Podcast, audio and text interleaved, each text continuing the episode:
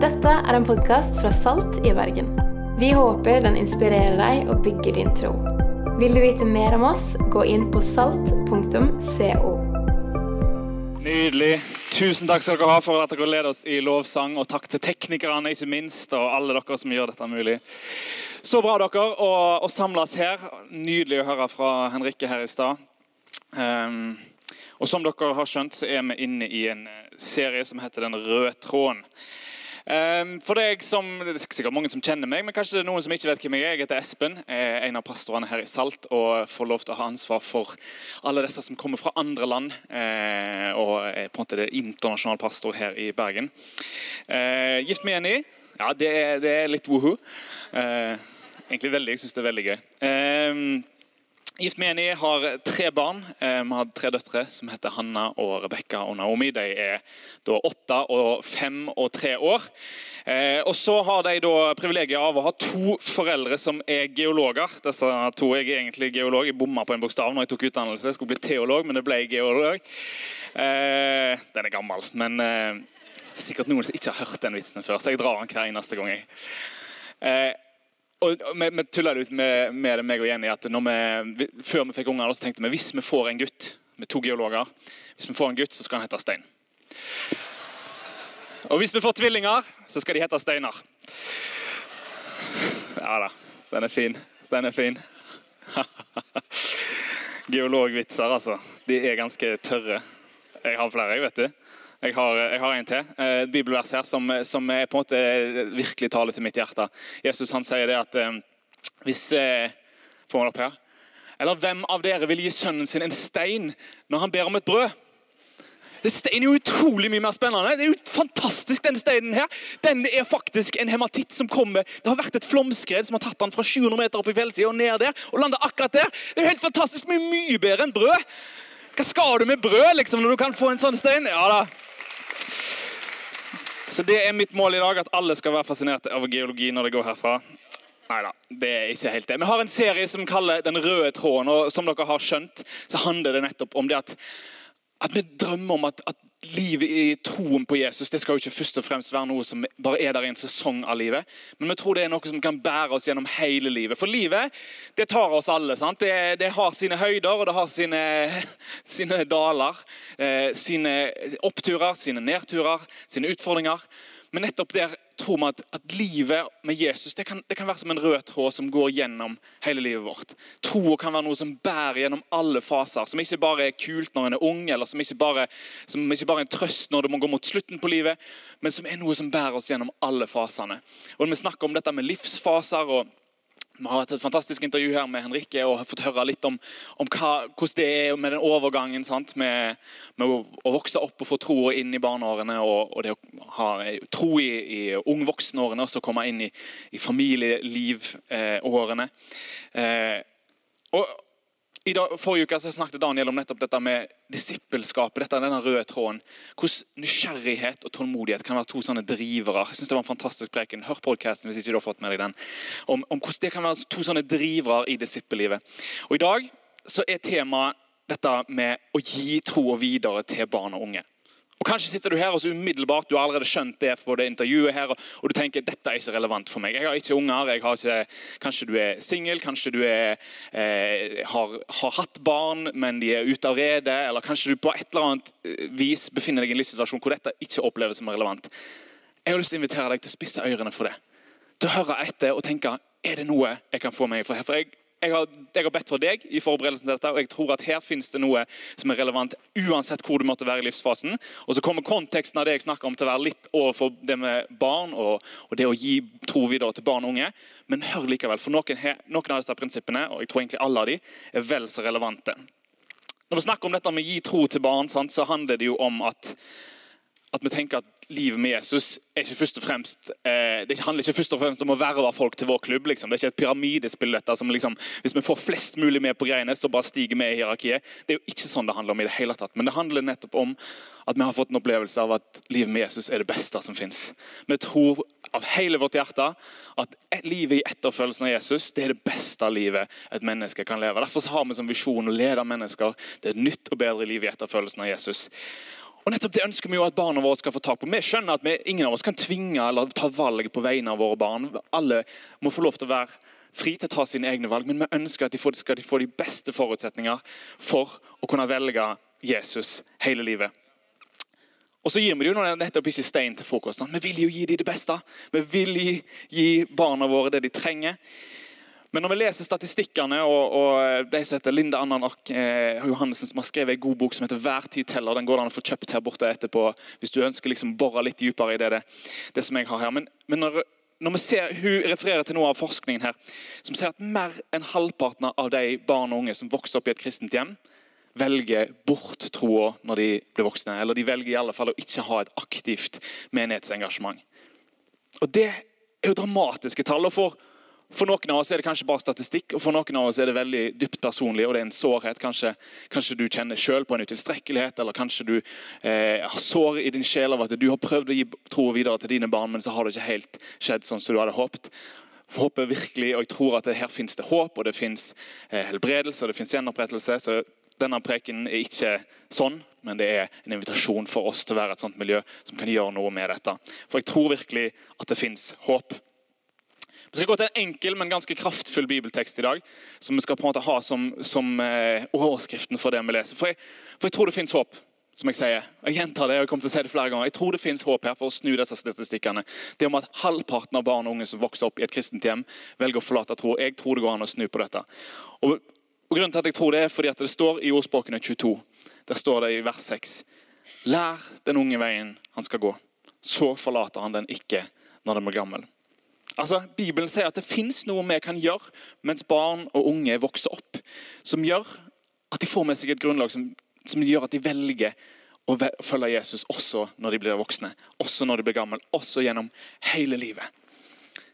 Og Dette er ikke bare noe som står i Bibelen, det er faktisk noe som står i forskning nå. For den samme bok som jeg refererte til hver tid teller, den, den viser til noe forskning hvor det står dette at blant de unge som hadde sett det kristne livet levd ut i praksis hjemme, bevarte de fleste sin tillit til å tro på Jesus. Utfordringen var imidlertid at kun et mindretall av dem som hadde vokst opp i kristne hjem, hadde bedt jevnlig med sine foreldre. Det samme gjaldt samtaler om troen og felles lesning av Bibelen. Men og hør dette, her er nøkkelen, men av dem som hadde opplevd dette hjemme, beholdt 90% sin tro. Det er altså en helt radikal forskjell på de barna som hadde vokst opp i et hjem hvor de faktisk hadde sett troen i praksis levd ut, og på de som hadde vokst opp i et kristent hjem, men hvor de ikke hadde fått sett ut hvordan ser den troen ut i praksis når de blir voksne. En ting er at Vi, kan, vi, vi, vi tror virkelig på, altså vi står her hver søndag og vi tror virkelig på dette med gudstjenester. Vi tror på vi skal ha verdens beste barnekirke. Vi tror på virkelig at vi kan på en måte gi god undervisning og det er masse kunnskap vi kan hente til oss. Men denne enkle sannheten viser til at det betyr veldig mye, det som skjer i hjemmet på uka til uka sin basis. Jeg vet ikke, Når du leser denne teksten, så står det 'lær den unge veien han skal gå'. Jeg vet ikke hva du tenker på når du hører ordet 'lær'. Jeg skal vedde på at de fleste av dere, når du hører ordet 'lær', så tenker du på skole. Sant? Klasseromsundervisning, eller kanskje kurs, eller, eller lese ei bok. For oss så så handler det i stor grad om måte, sant, å ta til oss kunnskap. Eh, vårt utdanningssystem som vi har i Norge med skole og hele måte, paradigmet og tankemåten rundt dette vi har med læring, det stammer i stor grad fra gresk utdanning og hvordan de gjorde det i antikken. Eh, og det var veldig bygd opp mye på samme måte som vi har i dag. Sant? At En sendte ungene på skoler eller eh, hvor de egentlig lærte da ble formidla kunnskap til omtrent fra de var sju år gamle. sånn som i dag, Og hvor det offentlige i stor grad hadde ansvar for utdannelsen. Noe av tanken er at på en, sant, vi, vi, tar til oss kunnskap. Hvis du, hvis du laster ned kunnskap eller tar, overfører et sett med, med, kunnskap til hodet til noen, så vil det kunne påvirke hvordan en oppfører seg, eller hva en gjør, eller hvordan en klarer å yte. eller enhver ting en skal lære. Sant? Og Det, det fins mye rett i det. Men det vi må skjønne når vi leser den teksten her, når det står om å lære, det er at hebraisk utdannelse eller jødisk tankegang det var litt annerledes. Og Det må vi, det må vi skjønne når vi leser dette. For det, det var nemlig sånn at, at Når det står 'lær' her, så kan det oversettes med å lære, men det kan også oversettes med det å, å trene, å innvie, dedikere. En fyldigere måte for oss ville kanskje vært å si noe sånt som og Det å gi den unge opplæring, eller vise i praksis den unge veien de skal gå. Det er altså ikke først og fremst At vi skal, skal formidle kunnskap til de unge, men vi skal lære dem hvordan ser dette ut. Jeg husker første gang eh, pappa, Jeg var 16 år, og pappa han skulle ta meg med på å lærekjøre. Jeg skulle øvelseskjøre med bil. Eh, og Han hadde gitt meg instrukser i forkant, og jeg hadde sikkert begynt å lese noe eh, teoribok. eller vært på det, Jeg husker ikke hvordan det var da, men om det var sånn en, eh, nå er det i hvert fall sånn en kurs du må på i forkant. Jeg tror kanskje ikke jeg slapp unna det, men jeg hadde i hvert fall lært meg noen greier. sant? Eh, og Vi kjører opp på en svær parkeringsplass sent på en kveld. Det er ingen andre biler rundt, så det er masse plass og, og trygge rammer. Eh, han går ut av førersetet, jeg går inn og setter meg i bilen. Sjekker at liksom, ja da, ok, selen på, og stilt speilet og justert setet og setter meg inn og skal prøve å starte denne bilen. Trykk inn bremsen, vrir om. Hva er det som skjer, pappa? Du må trykke inn kløtsjen, Espen. Hæ? Kløtsjen, hva er det for noe? Det hadde jeg aldri hørt om. Ja, ja Greit, da får vi lære oss den. Men det var jo ikke sånn at liksom første gang prøver jeg meg på kløtsjen. da, sant? Men det gikk jo ikke bra den første gangen. Gudung, gudung, en gang til, sant? For Jeg klarte jo ikke å trykke inn med riktig kraft. Og det der var jo en kunst. Jeg måtte rett og slett øve. Nettopp derfor har vi øvelseskjøring. Vi sender ikke folk på et online-kurs og så sier yes, nå har du fått, nå har du passert kurset, nå kan du kjøre. Fyr i vei. En må øve, en må prøve, en må lære, en må ha trygge rammer hvor en får lov å, å gjøre feilene noen ganger. Og er det ikke sånt? For dere, altså, Hebraisk undervisningskultur det var litt sånn. I denne konteksten så dette ble, dette ble skrevet for 3000 år siden av Salomo i en jødisk kontekst. og og Det var litt sånn at det var ikke fullt så mye klasseromsundervisning, men veldig mye av det som skjedde av opplæring, det skjedde nettopp i hjemmet. Var det sånn, altså, Vi har lest i Bibelen om at Jesus han var snekker, for faren hans var snekker. Og da vet vi at eh, Han lærte av faren ved å først kanskje stå og se på litt og spørre litt spørsmål. Og 'Hvorfor gjør du det sånn, pappa? Hvorfor snekrer du på den måten?' Eller 'Hvorfor gjør du det på den måten?' Jo da, så forklarer Josef. sant? Og så, så prøver, får han prøve seg litt sjøl og spikke litt og, og gjøre litt greier. Og så etter hvert så begynner han å, å skjønne det, det, hva det går i. Det var ikke først og fremst at de sendte han på et kurs. ja, her skal du bli snekker. Men han fikk lov til å være med og se. Og Nettopp dette er det Salomo prøver å si til oss når han sier lær den unge veien han skal gå. Så er det ikke først og fremst for all del igjen Jeg elsker at vi har verdens beste barnekirke.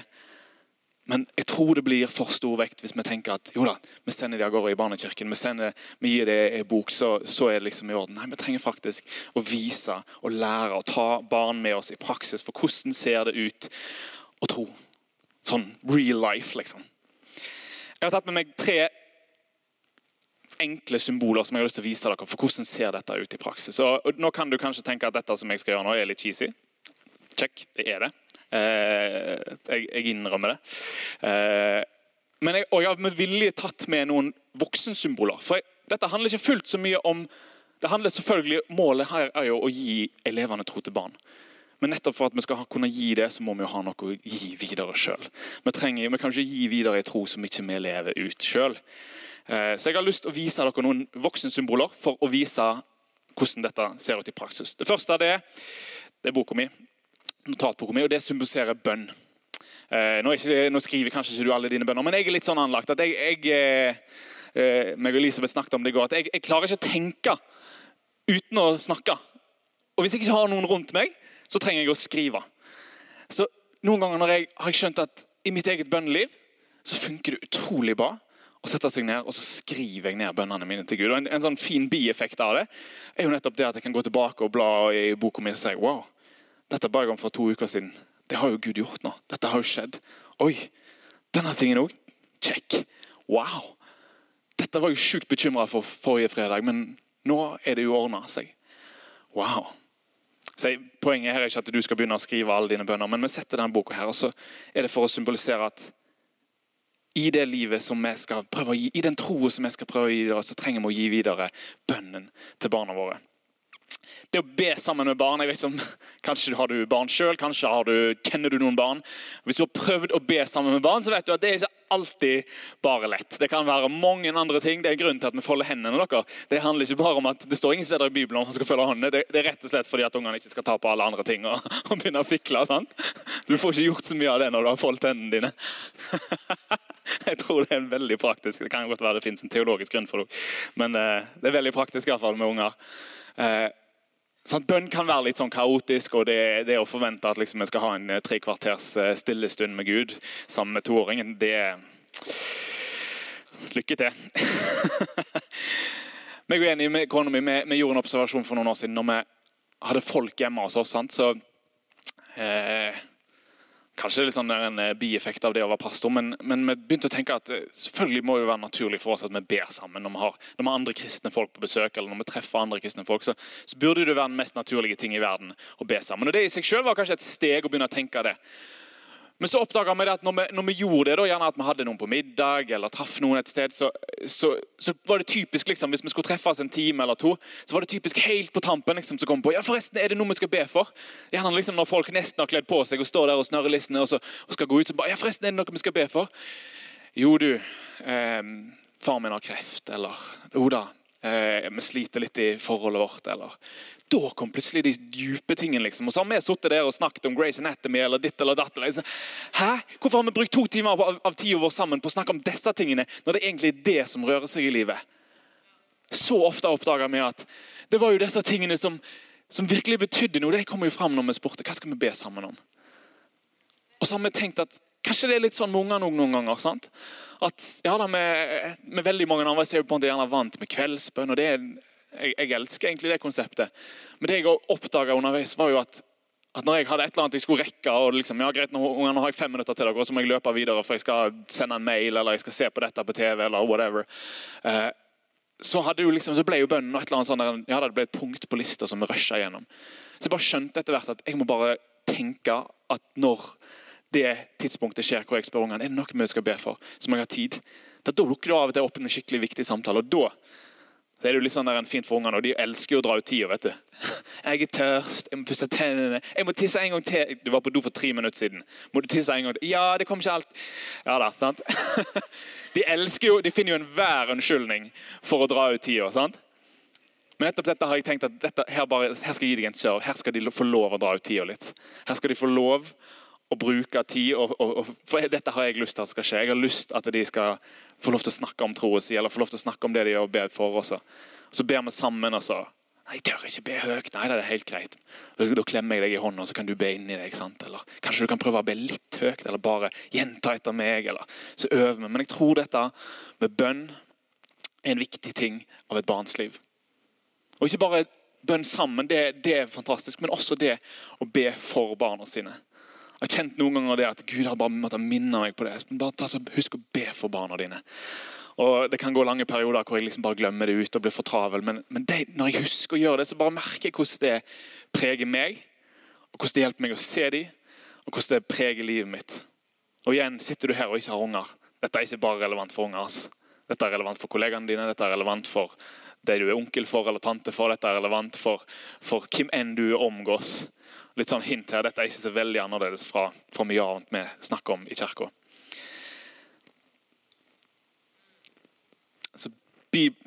Notatboka mi her det er symbol på bønn. Det er noe vi kan ta og prøve å legge opp i sekken til ungene.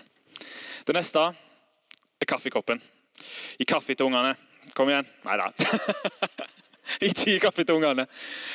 Men hva tenker du på når jeg, når jeg holder opp en kaffekopp? Jeg vet ikke med deg, men jeg tenker fort det er den gode samtalen. Jeg er egentlig ikke noen sånn voldsom kaffefan sjøl. Eh, drikker mest te eller ingenting. Men, eh, men ofte når vi, når vi, har det jo i språket vårt, skal vi ta en kaffe sammen. På jobb så sier vi ja, vi går og tar en kaffepause. da. Og Det betyr jo ikke at vi skal sitte mutters alene stille som østers og drikke kaffe ved siden av hverandre og holde kjeft. Det betyr jo nå har vi tenkt å prate sammen.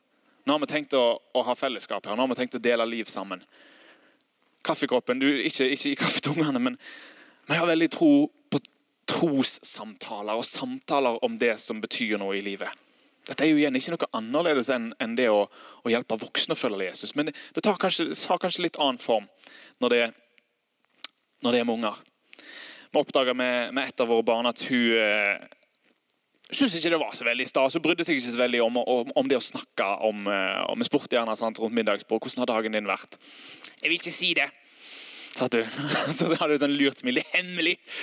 Vil ikke fortelle. Og Det var litt sånn frustrerende i begynnelsen. sant? Og Vi kunne gjerne pushe og liksom, jo, jo, må fortelle litt. Og så skjønte vi etter hvert at jeg vil ikke si det akkurat der og da, men i andre settinger så, så begynner du kanskje å fortelle. Og, og, Det tok oss lang tid å skjønne at liksom, i bilen plutselig, når vi kjører, da kunne denne jenta plutselig begynne å legge ut om hvordan hun hadde det, eller tanker hun gjorde, eller refleksjoner hun gjorde. Og I begynnelsen så tenkte jeg bare, må slutte å mase og høre på musikk. eller jeg hadde tenkt jeg skulle ha på dette. Eller. Ah, sykt treg av og til. Sykt treg for å skjønne disse tingene. Men så oppdaga vi at oi, kanskje det er en sånn arena hvor, hvor det går an å ha den gode samtalen. Så begynte vi å prøve å tenke at ok, greit, når vi gjør det, når vi, når vi sitter i bilen, spesielt hvis hun får lov til å kjøre alene med oss i en eller annen sammenheng, da må vi bare tenke at nå, nå er det et moment hvor hun gjerne har lyst til å prate litt. Og så spør vi de gode spørsmålene, så prøver vi å, å lytte. og og ikke ha svarene på alt. For, for det er så lett med voksne tenk. Det finnes en sånn fantastisk Tommy Tigeren-stripe av, eh, av, far til Tommy som sier at eh, eh, Nå improviserer jeg her. Det burde jeg ikke gjort. Hva sier han? Når han var barn, så, så, trodde han at de voksne hadde svaret på alt, men så har han skjønt nå at de bare improviserer hele tida. Det er jo litt sånn det er, sant? Vi kan jo det meste. Kan vi jo ikke. Vi bare prøver å Har jeg lov til dette, pappa? Nei. Eller ja, jo, jo, da, var, jo, da, det var kanskje greit allikevel. Vi, vi må jo liksom bare finne på ting underveis. Men jeg tror nettopp det noen ganger å våge å være ærlig og våge å si til henne vet du hva, dette skjønner jeg ikke helt, og dette har jeg ikke svaret på. Sånn at her en dag så kom det spørsmål fra et av barna våre liksom, om på skolen så lærer de om, om evolusjon og disse tingene. Hvordan henger det sammen med dette? Vi tror jo at Gud har skapt jord. og ja, vet du hva, dette har Jeg jeg har ikke det kjempeenkle svaret på det, men la oss sette oss sammen og lese litt i Bibelen. La oss lese skapelsesberetningen sammen. La oss be til Gud. og la oss, Så har jeg selvfølgelig noen svar. Jeg har tenkt gjort meg opp noen refleksjoner. Jeg er tross alt geolog og greier. Men Men, men la oss våge å være litt sårbare og ærlige i de samtalene. Siste symbolet jeg har lyst til å ta opp her, det er Bibelen. Um, og igjen, Barnebibel er fantastisk, men, men, jeg tar med vilje den voksne Bibelen her. Fordi det handler jo òg om at vi trenger å ha et forhold til Bibelen. Og jeg tar med vilje opp en fysisk bibel. Uh, for, for, meg var det veldig lett i en periode, og, jeg, tenkte, jeg syntes det var helt fantastisk enkelt og greit å bare ha en bibelleseplan på, på bibelappen på telefonen. Og, og, og det funka veldig bra for meg. Og Så kom Jenny til meg og så sier hun til meg på et eller annet tidspunkt at, at Espen, det er veldig fint for deg at du leser Bibelen på den måten, men ungene skjønner jo ikke at ikke du sitter på Facebook eller gjør et eller annet annet. De vet jo ikke forskjellen på hva du driver med. De trenger jo å se deg lese Bibelen. Espen. Ja, det er helt sant. Og så skal ikke jeg si at jeg har knukket koden på når jeg sitter og har min stillestund med unger rundt meg. Det, det, det, kan være utfordrende. Men jeg har liksom bare bestemt meg for at den der, der boka skal, de skal se han ligge rundt hjemme. De skal se meg bla opp igjen av og til. Og de skal, skal av og til oppleve at, det, at, de spør et spørsmål, og så, så, finner jeg fram Bibelen som svar på det spørsmålet. Um, hun yngste jenta vår, Naomi, hun, hun, hun er skjønn av og til. Uh, ganske ofte, egentlig. Men her her for noen, eh, et års tid siden eller noe sånt, så har du har lagt seg, eh, og så hører, går jeg forbi rommene og så hører jeg at det er litt sånn lyd der inne. og tenker at nå må, jeg, nå må jeg inn og kjefte litt og si at nå må du være stille og legge deg til å sove. Eh, jeg kan være litt sånn streng pappa av og til. Og Så gløtter jeg litt på døra, og heldigvis da, så tar jeg meg i det før jeg sier noe. Så hun oppdager ikke at jeg er der. Så ser jeg denne jenta, hun sitter med en sånn barnebibel eller, eller en sånn bibelfortellingsbok om, om, Jesus og jeg vet ikke hva, Bartimeus, tror jeg det var. Jesus og Bartimeus, fortellingen om når Jesus eh, møtte Bartimeus. Og så, så sitter du der i denne boka og så sitter hun og sier sånn Nei, ikke vær redd, Jesus. Ikke vær redd, Jesus. Vær snill, Jesus. sitter hun og prater. Og så tenker jeg så fantastisk, Hun skjønner jo tydeligvis ikke helt hva den fortellingen handler om. Men hun får i hvert fall bli vant med å forholde seg til å bla i en bibel eller å lese bibelfortellinger. Og, og det har vi liksom bare tenkt at ja, La det være sånn i vårt hus. Vi, vi plukker med oss og kjøper gamle, brukte bøker og nye, fantastiske bøker. Men formen på dette vil jo variere. Sånn, bibellesing med unger er ikke bare lett. Vi har prøvd familieandakter. og skal ikke si vi har knokket koden på det. Og, og Det finnes mange forskjellige måter du kan gjøre dette på. Men, men jeg, jeg har så tro på prinsippet. da, At barna mine de trenger å skjønne at dette er en viktig bok for oss. Dette er en bok som, som, er, som det står i Bibelen, den er, den er, et lys. Det er et ord. Nei, skal vi se. Ditt ord er en lykt for min fot og et lys for min sti. Vi sender ikke ungene ut i mørket uten refleksvest. og Hvis, de, hvis ikke det er lys på den veien, så gir vi dem lommelykt. De trenger den boka for å vite hvordan de skal navigere. Og så kanskje sitter du her og tenker du, hallo Espen, dette er sykt basic saker. liksom, Bønn og samtaler og Bibel. Og det ble akkurat gjentatt her oppe. og dette er liksom, jeg, jeg, Tror du vi er så dumme, Espen? Nei, jeg tror ikke dere er dumme. Og jeg tror ikke jeg er dum, men jeg, men jeg kjenner meg sjøl så godt at når ting blir for komplekst og for vanskelig, så er det så lett å bare tenke at nei, nei, det orker jeg ikke forholde meg til. Men jeg tror dette, og den statistikken viser oss, og, og dette bibelverset det viser oss at det er ikke så mye som skal til. Men unger som vokser opp, de trenger å få lov til å se at vi lever ut troa vår i praksis i hjemmene. I Gamle testamentet står det en ganske sånn fascinerende og nesten litt bisarr historie om, om, eh, om, en mann som het Naman. Eh, han var general i hæren til arameerne i Midtøsten for, for, lenge siden. og Han var veldig godt ansett og likt blant, blant folket sitt, men han hadde en hud, hudsykdom eh, som var en ganske big deal på den tida. Og så får han nyss i dette at det fins en profet i et annet land, i Israel, som heter Elisha, og at han kan helbrede sykdom. og Naman han tenker dette, jeg, jeg, trenger å gå og finne han karen her. Og, og Etter mye om og men, de er via en konge og, og, litt av hvert. De hadde ikke Google Maps, så, så det var store omveier før de fant fram til Elisha. Han turer inn på tunet der med liksom, Det var ikke bare, det bare Naban på motorsykkelen. Liksom, det, var, var busslass med, med, masse folk og, og masse styr. Som kommer til Elisha i håp om å få helbredelse og bli, bli, bli redda fra denne hudsykdommen. Så kan vi lese fra, fra andre kongebok. Da står det om så kom Naman med hester og vogner og stanset ved døren til Elishas hus. Elisha sendte et bud ut til ham. Altså, Elisha kom ikke ut sjøl. Her kommer han liksom fra et annet land for å oppsøke denne profeten. og Han er ganske høyt oppi, han er liksom en VIP, tenker han. Og Så kommer ikke Elisha ut sjøl og møter han en gang. Han bare sender et bud ut, gir en beskjed og sier Elisha hadde sendt et bud ut til han sa, gå og vask deg sju ganger i Jordan. Så skal kroppen din bli frisk, og du skal bli ren. Da ble Naman sint og dro bort. Han sa, jeg trodde han selv ville komme ut til meg, stå fram og påkalle Herren sin Guds navn, føre hånden fram og tilbake over det syke stedet og fri meg fra sykdommen. Er ikke Abana og Parpar, elven ved Damaskus, like gode som vassdragene i Israel? Kunne jeg ikke vaske meg i dem og bli ren? Så snudde han seg og dro i fullt sinne. Han er frustrert og han føler seg dette, var, dette, ble for dumt på en måte, å komme til profeten. og så, så kommer han ikke ut engang. Han bare gir en beskjed om å vaske seg i elv. Men Namans tjenere kom til han, snakket med han og sa, 'Far, hadde profeten pålagt deg noe vanskelig, ville du ikke da ha gjort det?' Hvor mye mer nå når han bare sier til deg at du skal vaske deg og bli ren? Naman skjønner det at jo, jo, okay, jeg kan gjøre det likevel. Vi har jo kommet så langt. Så dro Naman ned til Jordan og dukket seg sju ganger i elven, slik gudsmannen hadde sagt. Da ble kroppen hans frisk igjen, som gutt, kroppen til en liten gutt, og han ble ren. Vi vil så mange ganger at det skal være så fantastisk og komplisert og flott. og Trenger å ha liksom et eller annet voldsomt som skal skje. Naman han ville at det skulle være skikkelig svære greier. det som skulle skje liksom.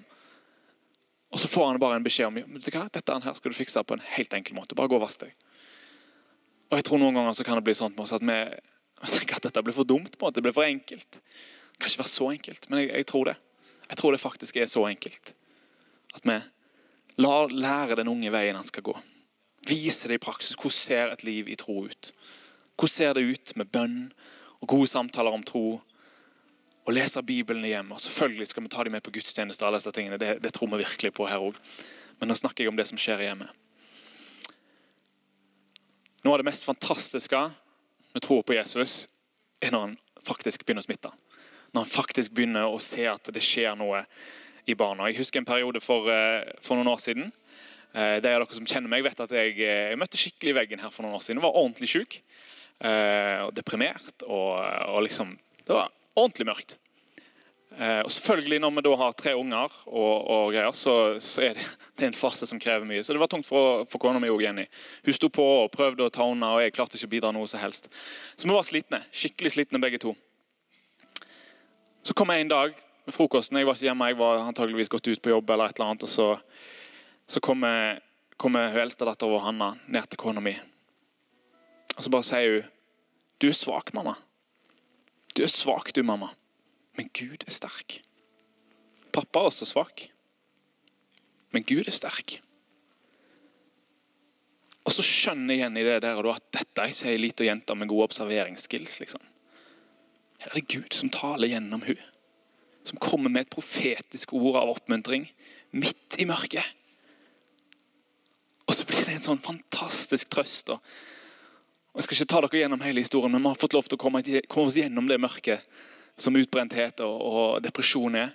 Og har fått lov til å komme til andre sida og se at det fins håp. Men nettopp det å kjenne at det er ikke bare vi som bærer ungene, men ungene kan få lov til å faktisk være med og styrke vår tro av og til òg. Det er stort. Og det drømmer vi om. La oss ta oss og reise sammen, så skal vi lovsynge Jesus. Takk for at du har valgt å høre på denne podkasten fra Salt. Du er varmt velkommen til våre gudstjenester på søndag.